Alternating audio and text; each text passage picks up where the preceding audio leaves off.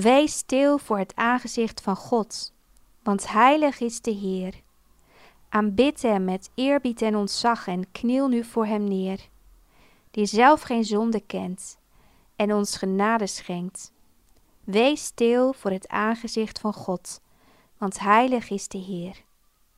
Wees stil, want de heerlijkheid van God omgeeft ons in dit uur. Wij staan nu op heilige grond, waar Hij verschijnt met vuur.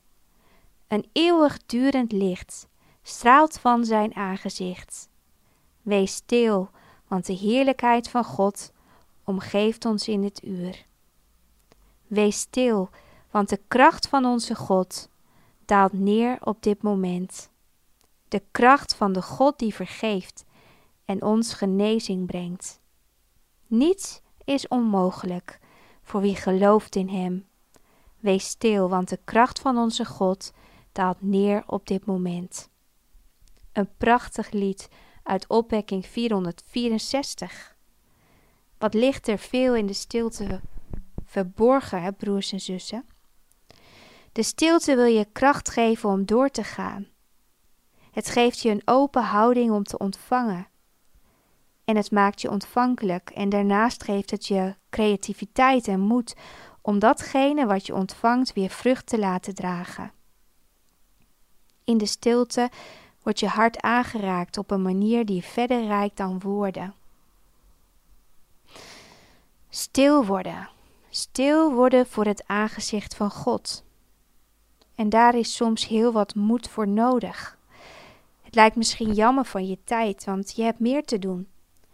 Of je bent bang voor wat je tegen zult komen. Maar toch, broers en zussen, wil ik je aanmoedigen om stil te worden. Want in de stilte zal je hart veranderen. Het zal je helpen om je goede kanten en je onhebbelijkheden aan het licht te brengen. De stilte kan je rustig maken, maar ook je onrust vergroten en confronterend zijn. Maar dat is heilzaam.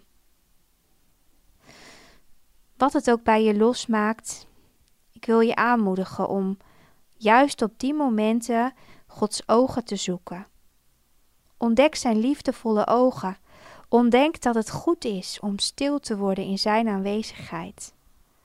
En ontdek dat hij het goede met je voor heeft.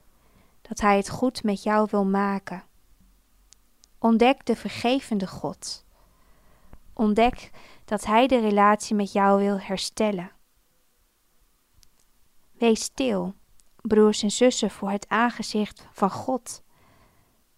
Dat proces waar je door mag gaan, misschien al worstelend of met knikkende knieën, weet dat stilte je verder brengt.